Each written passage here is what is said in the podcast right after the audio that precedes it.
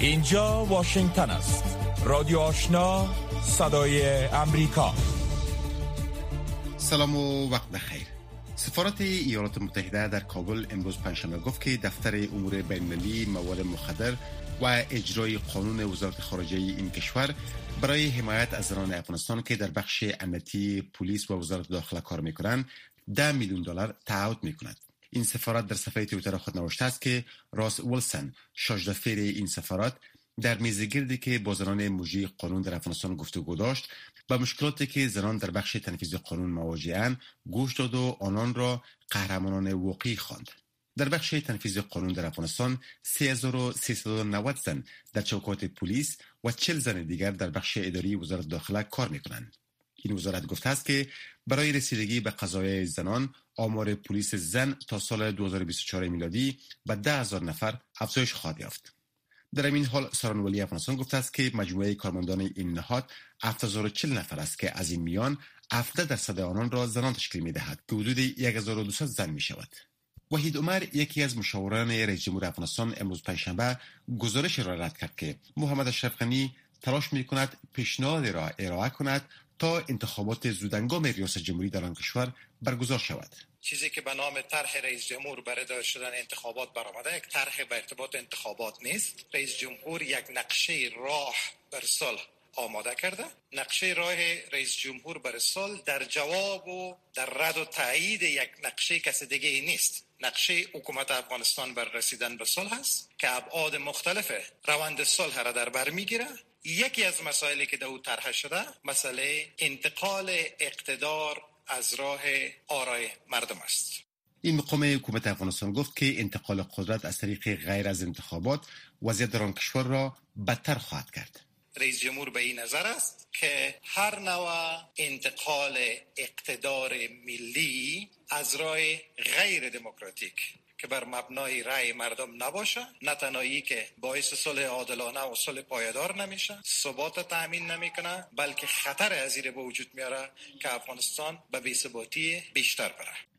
اظهارات آقای عمر چند روز پس از آن بیان شد که خبرگزاری رویترز به نقل از سه مقام ارشد حکومت افغانستان گزارش داد که رئیس جمهور اشرف غنی پس از رد پیشنهاد صلح ایالات متحده پیشنهاد متقابل خود را تحت یک طرح صلح ارائه خواهد کرد که انتخابات پیش از وقت ریاست جمهوری در جریان شش ماه شامل آن است.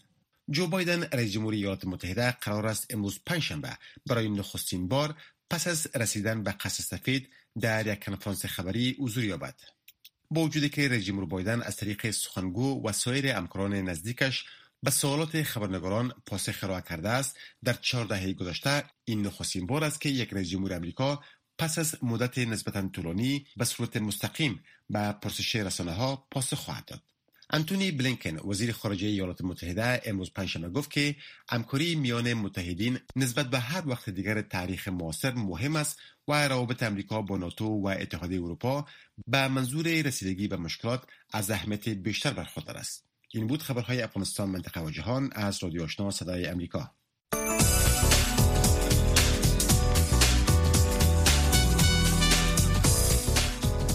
سلام با شما همه شما بخیر. شنونده های عزیز من قدیر مشرف هستم و به برنامه صحی رادیو آشنا صدای امریکا روی موج 100 شهر 5 فم و موج متوسط 1296 خوش آمدین.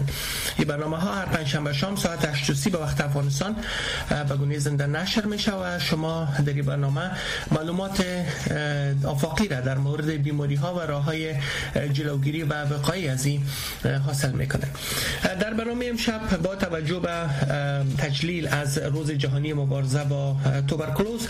خواستیم دکتر سیب لطف الله منظور متخصص امراض داخله و توبرکلوز در برنامه زحمت بتیم. تا در مورد عباد و بیماری ها و راه های جلوگیری از این بیماری با ما شما صحبت داشته باشند. دکتر منظور سلام خدمت شما. شامتان بخیر. تشکر از اینکه وقتتان دادن میروانی زنده باشین. سلام و ادب. دارم خدمت شما و همکاران رادیو و شنونده های عزیز ما. دکتر منظور با توجه به شیوع ویروس کرونا سازمان جهانی صحت میگه که مبارزه جدی و او اولویتیه که علیه توبرکلوز بود. دیگه او رنگ باخته و هشدار میده که بایست این بیماری دیرینه که سالانه میلیون ها نفر جانش می‌گیره در برابرش باید یک اقدام جدی صورت بگیره و محو شود. سوال من ایسته که در سالهای گذشته تلاش های بسیار زیاده برای محو و کاهش این بیماری از طرف وزارت صحت افغانستان روی دست گرفته شده بود. ما صحبت های زیاد در این باره از طریق امواج رادیو و می برنامه صحی خودم شخصا داشتیم. در یک سال اخیر شما به عنوان دکتر و متخصص توبرکلوز شما آمد آمد بیماری بیماران توبرکلوز چگونه ارزیابی کردن در یک سال اخیر چگونه بوده شیوع از مرض تشکر از سوال شما باید درس کنم متاسفانه که امی پاندیمی کرونا یا کووید 19 همه قسم که به تمام آباد زندگی مردم اثر ناگوار داشت در بخش فعالیت های سی و اقتصادی و اجتماعی کشور هم تاثیر خرابی داشتن. که از جمله در برنامه یا در فعالیت های کنترل توبرکلوز هم یک تاثیر بسیار قابل ملاحظه را داشت و تقریبا تمام مراکزی که در کنترل توبرکلوز کار می‌کردن و اینا نظر به مو شرایطی که وضع شده بود و محدودیتی هایی که در کلینیکا و در مراکز صحی بودن و توجه و فوکس زیاد دولت و وزارت صحت عامه و دیگه همکارای سی سر خود بیماری یا سرمی مرض کرونا داشتن و از او خاطر یک ذره توجه در کم شد و بسته شدن اکثر مراکز صحی و رخصت شدن یا قرنطین شدن کارمندان صحی و دیگر قرنطین شدن شهرها و قرنطین شدن در اکثر بخش اجتماعی مراجعه مریضان در بخش توبرکلوز کمتر ساخت.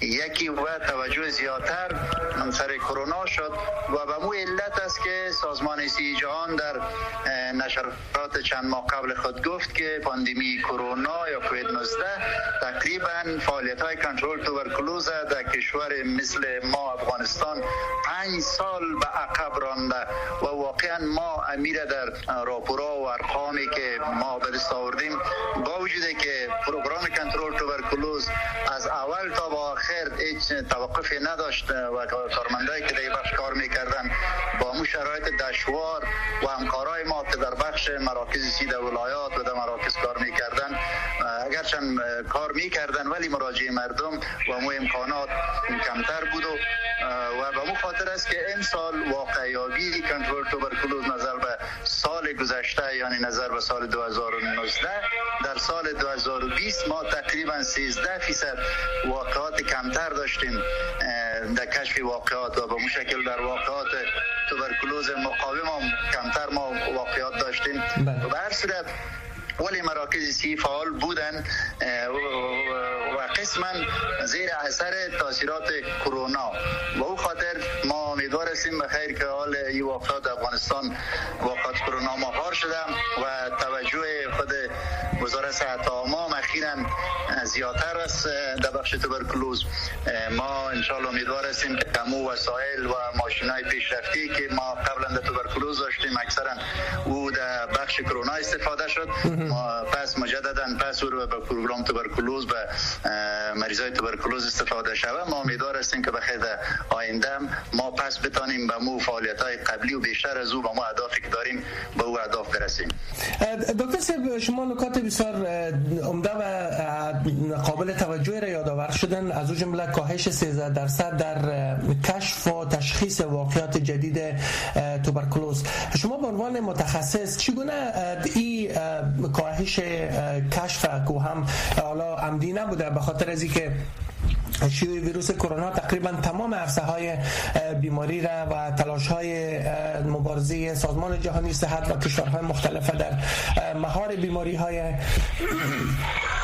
ببخشید در مهار بیماری های مزمن تقریبا عقب انداخته. آینده از این شما چگونه تش میپندارن چی کارهای عمده باید روی دست گرفته شود تا بتانیم ما حداقل همین پنج سال را که عقب ما را انداخته پس دوباره بتانیم جلو بیاییم؟ بسیار تشکر و پیشنهادات کارمندای کنترل توبرکلوز و متخصصین توبرکلوز و کسایی که در عرصه کار می‌کنن و از برد توقف توبرکلوز در افغانستان که یک برد بسیار کلان از وسط کشور از تمام ارگانات او متشکل هستند. و پیشنهاداتشون به وزارت صحت و به دولت و به تمام بخش همکارای مایی است که فعالیت های خود و مطابق امو توصیه سازمان سی جهان تشدید بخشن یعنی امو توجهاتی که قبلا سر کرونا شده بود ایواز تبرکلوز و پس او توجه را پس سر تبرکلوز بسازن که دیروز هم تجلیل از روز جهانی تبرکلوز بود به سطح وزارت صحت عامه که مقامات رهبری وزارت صحت عامه همین تعهدات خود دوباره تکرار کردن و اعلان کردن و تمام همکارایی که در این بخش کمک می‌کنن به شمول USAID و UNDP و مسئولین اداره Global Fund که در این راستا کار می‌کنن سازمان صحی جهان همه وعده های خود دادن که پروگرام باید دوباره تقویه شود و مو فعالیت ها پس جدیتر شود تا ما بتانیم امو ضیاع یا امو کمبودادی که در سال گذشته از باعث پاندمی کرونا در تمام عرصه بخصوص بخش توبرکلوز پیدا شده ما او جبران بکنیم و امو وسایلی که از بخش پروگرام توبرکلوز در به منظور اهداف کنترل کرونا و استفاده شده بود پس دوباره او به توبرکلوز اختصاص داده شود. این وعده ها را دادن ما امیدوار هستیم ان در سال 2021 این نقیصه را جبران بکنیم. به می چیز امیدوار هستیم که بتانیم. درست. دکتر منظور بیشترین کسانی که در گذشته مصاب بیماری توبرکلوز می شدن اونا چقدر زیاد بستر مساعده برای گرفتن ویروس کرونا هستند یکی و دوم از که آیا اونا در اولویت گرفتن واکسین کرونا هم قرار می گیرن یا خیر؟ بله. کسایی که بیماری توبرکلوز داره یا دیگه امراض انزیمامی را داره اونا یک زمینه مساعد برای مصاب شدن به کرونا را دارن. این در میراق توجه خود وزارت صحت است که بعد از این کارمندانی که در تماس مریضا هستند بخصوص کارمندان سی در قدم اول و بخشای امنیتی و بخشای خبرنگارا و به اون شکل اشخاصی که سالمند هستند و اشخاصی که امراض انزیمامی را دارن به خصوص دیابت یا فشار بلند یا تکلیف قلبی یا تکلیف گرده یا توبرکلوز و دیگه امراضاری اینا در اولویت است ان شاء الله در دولت و وزارت صحت عامه توجه خاص دارن که به زودی واکسین بگیرن. بخیر. بسیار خوب. خب دکتر صاحب میان سر خود از این بیماری کمک اگر برای شنونده ها معلومات بتیم که در این مقطع زمانی که پندیمی هنوز هم جریان داره و همگیر از خانواده هایی که حالا اعضای خانوادهشان در گذشته بیماری توبرکلوز داشتن یا فکر میشن که اینا تازه به بیماری دچار شده باشن کدام اقدامات پیشگیرانه را باید اینا رو انجام بدن؟ اقدامات پیشگیرانه و پروگرام ملی کنترل توبرکلوز و کارمندان سی برای اشخاصی که از اعراض و علائم یا از آثار و علائم مرض توبرکلوز شکایت می‌کنن. این نمی است. هر کسی که اضافه تر از دو هفته سرفه داشت و در سرفه شفرازات داشت و بلغم داشت و عاجل به مرکز سی مراجعه بکنه. یکی و معمولا استفاده از ماسک خب بهترین روش است برای سرایت برای دیگرها هم برای جلوگیری از کووید 19 یا کرونا هم مفید است و برای توبرکلوز هم مفید است. اونمو شرایط افضل صحه باید مراعات بکنن. و وقتی که اشتباهی که یا میشن یا علائم مشکوک یا علائم مریضای احتمالی توبرکلوز پیش یکی از اعضای فامیل خود یا از کسی می‌بینن اونا را باید به کلینیک ببرن و اوجا معاینه میشه. حال خوشبختانه معاینات توبرکلوز پروگرام ملی کنترل توبرکلوز مطابق به عموم معیارات استاندارد بین المللی بهترین وسایل یا مدرن ترین یا جدیدترین وسایل تشخیصی را آورده که مو ماشین GeneXpert است که خوشبختانه در تمام ولایت افغانستان حتی سطح بعضی ولسوالی ها ما ماشین اوجا فعال ساختیم که در مسرع وقت در ظرف دو ساعت تشخیص می‌کنه میکروب توبرکلوز بسیار با معیارات بلند. و به این شکل مراکز صحی که در کنترل توبرکلوز است تقریبا در حدود 850 مرکز تشخیصی و تداوی است که اینا هم تشخیص می‌کنن هم تداوی می‌کنن. در سراسر افغانستان اینا می‌تونن که کمک بکنن برای اشخاص و وقتی که تشخیص شوه و خوشبختانه اون دوایشان فراوان دوای رایگان با کیفیت عالی با کیفیت با میارهای جهانی در تمام مراکز صحی موجود است. دکتر یک سوال همیش در ذهن تدایی میشه که با وجود تلاش های فراوان وزارت صحت و حتی خود مردم هم که آگاهی از اینا در بخش توبرکلوز بلند رفته بود و ما می‌دیدیم که مردم یعنی هیچگاه در بخش پیگیری از تداویشان کوتا نمی آمدن حالا تداوی های خود در کلینیک ها می آمدن دوای خود به صورت منظم می گرفتن شما فکر می‌کنین چی باعث شد که هنوز هم بیماری توبرکلوز در کشور مثل افغانستان حداقل روز تا روز uh, تشخیصی از این بلند رفت و ما نتونستیم که حداقل معیار ابتلا به این بیماری را گرافش رو به نزول بیاریم. بسیار نکته خوب سوال کردین. اکثر عزیزای ما اکثر همکارای ما از مطبوعات سوال می‌کنن که چه علت است که به که سال به سال مرض کم شد و مرض زیاد شده میره. این علت تکنیکی از است که دسترسی مردم به امکانات تشخیصی و تداوی بسیار زیاد میشه. ما تقریبا 19 یا 20 پیش 14 مرکز کنترل توبرکولوز داشتیم.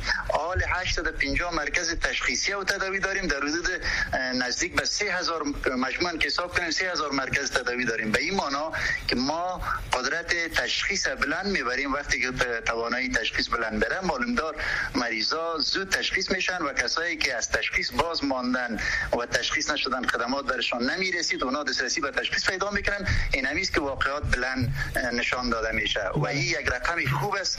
ما موفقیت خود در افزودی یا در کشف زیاد واقعات می‌بینیم و هنوز پروگرام کنترل توبرکلوز به مرحله نرسیده که 100 فیصد کنترل اعلان بکنه در افغانستان که 100 فیصد کنترل شد. به خاطر از که نظر به تخمین سازمان سی جهان سالانه 73 هزار واقع جدید توبرکلوز در افغانستان بروز می‌کنه.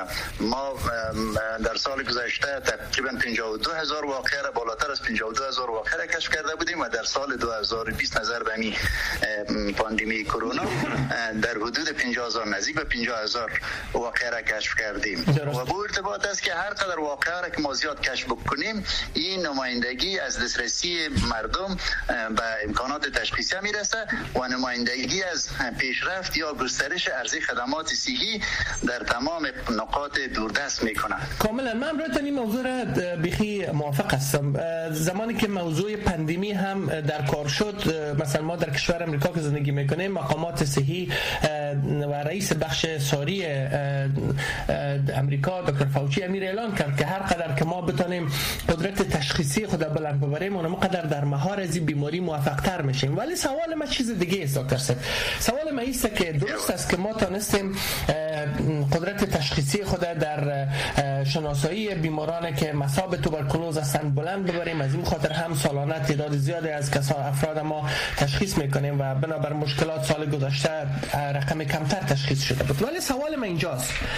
چرا هنوز هم مایکوبکتریوم توبرکلوزس در بین مردم نفس می‌کشه بگویم بهتر است؟ چرا هنوز هم مردم به این مساب میشن؟ آیا ما بال مردم نتانستیم بگویم که چگونه از طرق انتقال از این بیماری به دیگر اقدام بکنن یا که راه های دیگه است که باعث میشه که هنوز هم مایکوبکتریوم توبرکلوز افراد زیاد را مساب بسازه و جانشان بگیره. بسیار خوب. شما خب بهتر می‌فهمین که خود عاملی مرض که این میکروباکتریوم توبرکلوز یک میکروب فوق العاده ساری است و منبع مرض کسایی که این میکروب به شکل فعال در وجودشان است اونا می‌تونن که با یک صرفه میلیون ها میکروب میکروب به بیرون پخش بکنن و هر کس می‌تونه که این میکروب بگیره و خوشبختانه که با تمام کسایی که میکروب می‌گیره مریض نمیشن و یک تعداد زیادشان که شرایط برشان هر وقت که مناسب شد و مساعد شد باز اونا باعث انکشاف مرض میشن. از خاطر توجه یا بسیار فوکس خود پروگرام سر امی واقعات ساری است. اگر پروگرامی واقعات ساری در کشف نمی‌کرد هر کدام از این در یک سال در حدود 20 نفر مثل خود 100 درصد به توبرکلوز ساری مساب می‌سازه و میکروب آلوده بر اصطلاح به اصطلاح مونتن یا آلوده خو هزارها نفر می‌تونه آلوده بسازه. به او خاطر است که کنترلی مرض تو کار ساده به نظر نمی‌رسه. و یکی ودهی چند چیز هم رول داره شرایط اقتصادی و اجتماعی است شرایط مربوط به خود انسان ها است براجی به مربوط به ظرفیتشان سطح دفاع بدنشان و دیگه شرایط مربوط به خود میکروب است که میکروب چقدر تولید قدرت تولید مرض دارم. این شرایط است. و به او خاطر ما که تو ارزیابی می‌کنیم در طول مخصوصا در طول 20 سال بسیار به طرف خوب روان هستیم. یعنی تمام برنامه های ما مثلا در قسمت واقعیابی توبرکلوز چند سال پیش تقریبا 10 سال پیش تنها وزارت صحت عامه مسئول دریافتی واقعات بود خوشبختانه که تمام سکتورهایی که در عرصه صحت کار می‌کنند. خارج وزارت صحت آمد. تمام دکترایی که مثلا در ماینه خانه کار می‌کنند. تمام ارگانایی که مربوط مؤسسات شخصی هستند شفاخانه شخصی هستند. یعنی کلش با بی برنامه‌ای که کنترل توبرکلوز در نظر داره کلشان دخیل هستند. در راسته نمیست که واقعی یابی بلند رفته و ما تانستیم که مو میارات یا مو تارگت ها مو اهدافی که سازمان سی جهان تعیین کرده در قسمت موفقیت تداوی. حتی ما بالاتر از 90 فیصد هستیم. در حالی که میارات موفقیت تداوی سازمان سی جهان 85 درصد به سطح دنیاست ما در قسمت موفقیت تداوی بالاتر از 90 فیصد هستیم. منتها در قسمت واقعیابی یک مقدار من کم است و کمتر هستیم که انشالله ما امیدوار هستیم که در ظرف یک سال دیگه هم اگر شرایط خوبتر شود او را به مو اهداف برسیم. دکتر صاحب آیا در قسمت آگاهی دهی کسایی که به مراکز مراجعه می‌کنن تشخیص میشن تحت تداوی قرار می‌گیرن آیا این موضوع هم در شامل برنامه ملی کنترل توبرکلوز است که بر از اینا گفته شود که شما شکل فعال توبرکلوز در خود دارن و شما چقدر زیاد می‌تونن که بیماری را به دیگران سرایت بتن باید ماسک بپوشن باید لباستان ظروف مواد غذاییتان ایناتان باید حداقل جدا باشه و اگر جدا نباشه باید شسته شود. این چیزا هم است بالکل بالکل بالکل.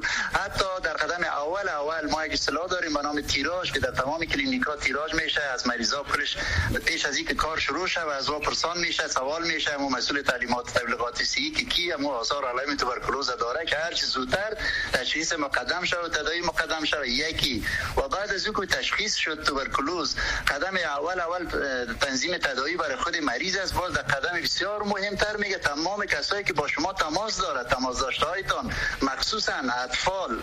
اطفالی که مخصوصا اضافه با سن 65 سال پایان است. تمام از به شکل فعال مسئولین امین بخش توبرکلوز یا می شعبه شعبه که توبرکلوز کنترل می‌کنن مسئول داس میگن. این حتی به شکل فعال میره در خانه از وا. کل یک تا یک تا پرسان می‌کنه و به اصطلاح غربالگیری می‌کنه و اراز علائم پرسان می‌کنه که اشتباه توبرکلوز که سرش بود به کلینیک میارن دیگه تشخیص پیشرفته اگر مریض بود زیر دوا گرفته میشه. یکی و تمام معیارات ابزل صحوی که مثلا از تماس داشتن که چه قسم تماس داشته باشه و از ماسک چطور استفاده بکنه امیر میشه دکتر منظور آیا دکتر منظور آیا امکان داره این موضوعات را که شما یک نون میگن که برای مریضا گفته میشه یا اکنون به شنونده های ما هم بگوین؟ مهربانی. هموطنان عزیز وقتی که شما در کلینیک مراجعه می‌کنین اگر آثار علائم توبرکلوز پیش شما می باشه و احیانا اگر شما توبرکلوز تشخیص میشین در قدم اول باید اونم کسایی که با شما به تماس هستند که تمام کلان ها کلان هایی که سنشان کلان هستن اونا آثار علائم توبرکلوز اگر داشتن اونا رو شما در کلینیک بیارین بر تشخیص و و کسا تمام طفلایی که مخصوصا طفلایی که سنش از 5 سال پایان است تمام یار اگر جور هستن یا ناجور هستن یک دفعه بیارین در کلینیک که مسئول شعبه توبرکلوز رو چک بکنه و توبرکلوز از رو ببینه که توبرکلوز داره یا نداره اگر توبرکلوز داشت زیر دوا گرفته میشه.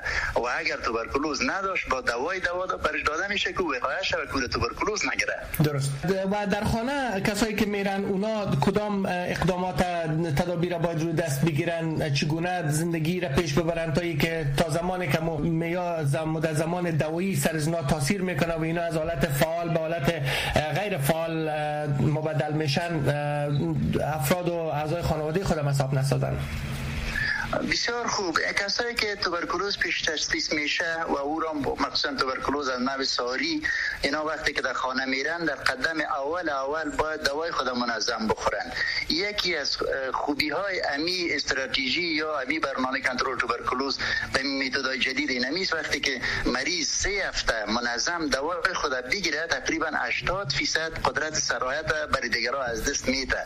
از او خاطر اولین توصیه ما اینمیست که منظم دوای خود بخوره.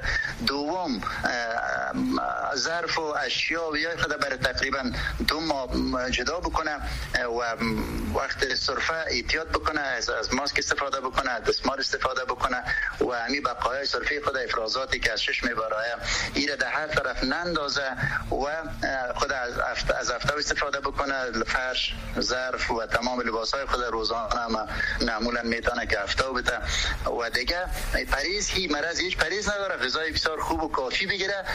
اینمی اهتماماتی است که برای مریضای توبرکلوز گفته میشه و بسیار مهم اینمی است که در تداوی خود قطع نکنه. با بله. مطابق با توصیه های مسئول کلینیک دوای خود بگیره. دکتر صاحب لطف الله منظور. جهان سپاس از حضورتان در برنامه صحبت آن فهمتان. انشالله در برنامه بعدی باز هم شما را زحمت خود دادیم. شب شما بخیر. تشکر از حضورتان. مهربانی زنده باشین. تشکر از لطف همیشگی شما. اینمی هم یک طریق وقایه است که شما از طریق نشرات خود کلی مردم آگاه می‌سازین. اینمی هم کلان کمک از برنامه کنترل توبرکلوز زنده باشین. زنده باشین. تشکر بسیار زیاد. خب شنونده های عزیز این بود صحبت های ما با دکتر سب لطفلا منظور یک تن از متخصصین بیماری توبرکلوز که در کابل زندگی می‌کنند. برنامه را با گزارش از همکار ما خیرالله رسولی به پایان می‌بریم. وزارت صحت افغانستان گفته که سالانه ده ها هزار واقعه توبرکلوز در کشور ثبت میشه و سال گذشته میلادی آنچنانی که دکتر سب منظور هم گفتن نزدیک به ده هزار نفر پس از ابتلا به بیماری جان باختند از سوی هم تفاهم نامه وقایه و تداوی این بیماری میان وزارت صحت و سفارت ایالات متحده در کابل برای پنج سال تمدید شد. با نشر از این گزارش ما قدیر مشرف را با همکاران مسئول شما مرخص میشیم. بر شما شب خوش می‌خوایم اما پای رادیوهایتان باشین برنامه های رادیو ادامه داره دکتر وحید مجروح سرپرست وزارت صحت افغانستان روز چهارشنبه در مراسم جهانی تجدید از روز تبرکلوز گفت که در سال 2020 میلادی 9800 نفر که به این بیماری مبتلا بودند در افغانستان جان باختند. با گفته دکتر مجروح آمار جان باختگان توبرکلوز در افغانستان حدود سه برابر بیشتر از کرونا است. وزارت صحت عامه افغانستان تخمین می کند که احتمال دارد سال گذشته میلادی بیش از هفتاد هزار واقعه جدید توبرکلوز در این کشور بوده باشد. اما آقای مجروح گفت که همگیری ویروس کرونا سبب شد که تشخیص و ثبت واقعیت توبرکلوز 13 درصد کاهش یابد. سیستم صحی افغانستان به دلیل محدودیت هایی که پندمی کرونا ایجاد کرد توانست حدود 48 هزار حدود 50 هزار که ذکر کردم اینا را شناسایی کنند. و متباقی تعداد واقعات است که به دلیل پندمی از دید دور مانده ولی ارزیابی ابتدایی ما نشان میده که حدود 73 هزار آمار وزارت صحت عامه افغانستان نشان می‌دهد که 57 درصد مبتلایان 48 هزار واقعه ثبت شده توبرکولوز را زنان و 21 درصد دیگر را کودکان کمتر از 15 سال تشکیل می دهند. همچنان این وزارت تایید می کند که 77 درصد واقعات ثبت شده نوع توبرکلوز ریوی است و 2400 واقع نوع توبرکلوز است که در مقابل ادویه مقاوم می باشد. در همین حال تفاهم نامی همکاری جهت تشخیص و تداوی این بیماری میان وزارت صحت و سفارت ایالات متحده در کابل برای پنج سال تمدید شد. رس فیلزن شارژدافر سفارت امریکا در کابل گفت که باید اطمینان حاصل شود که خدمات صحی گسترده و به موقع جهت تداوی توبرکلوز در سراسر افغانستان عرضه می شود. ما با همکاران خود و وزارت عامه پیش می رویم و یک جا کار می کنیم تا توبرکلوز در افغانستان و جهان محو شود ما از این همکاری استقبال می کنیم باور داریم که این تفاهم نامه همکاری منجر به ایجاد چارچوب نظارتی پاسخگو و چند سکتوری برای محو توبرکلوز در افغانستان خواهد شد.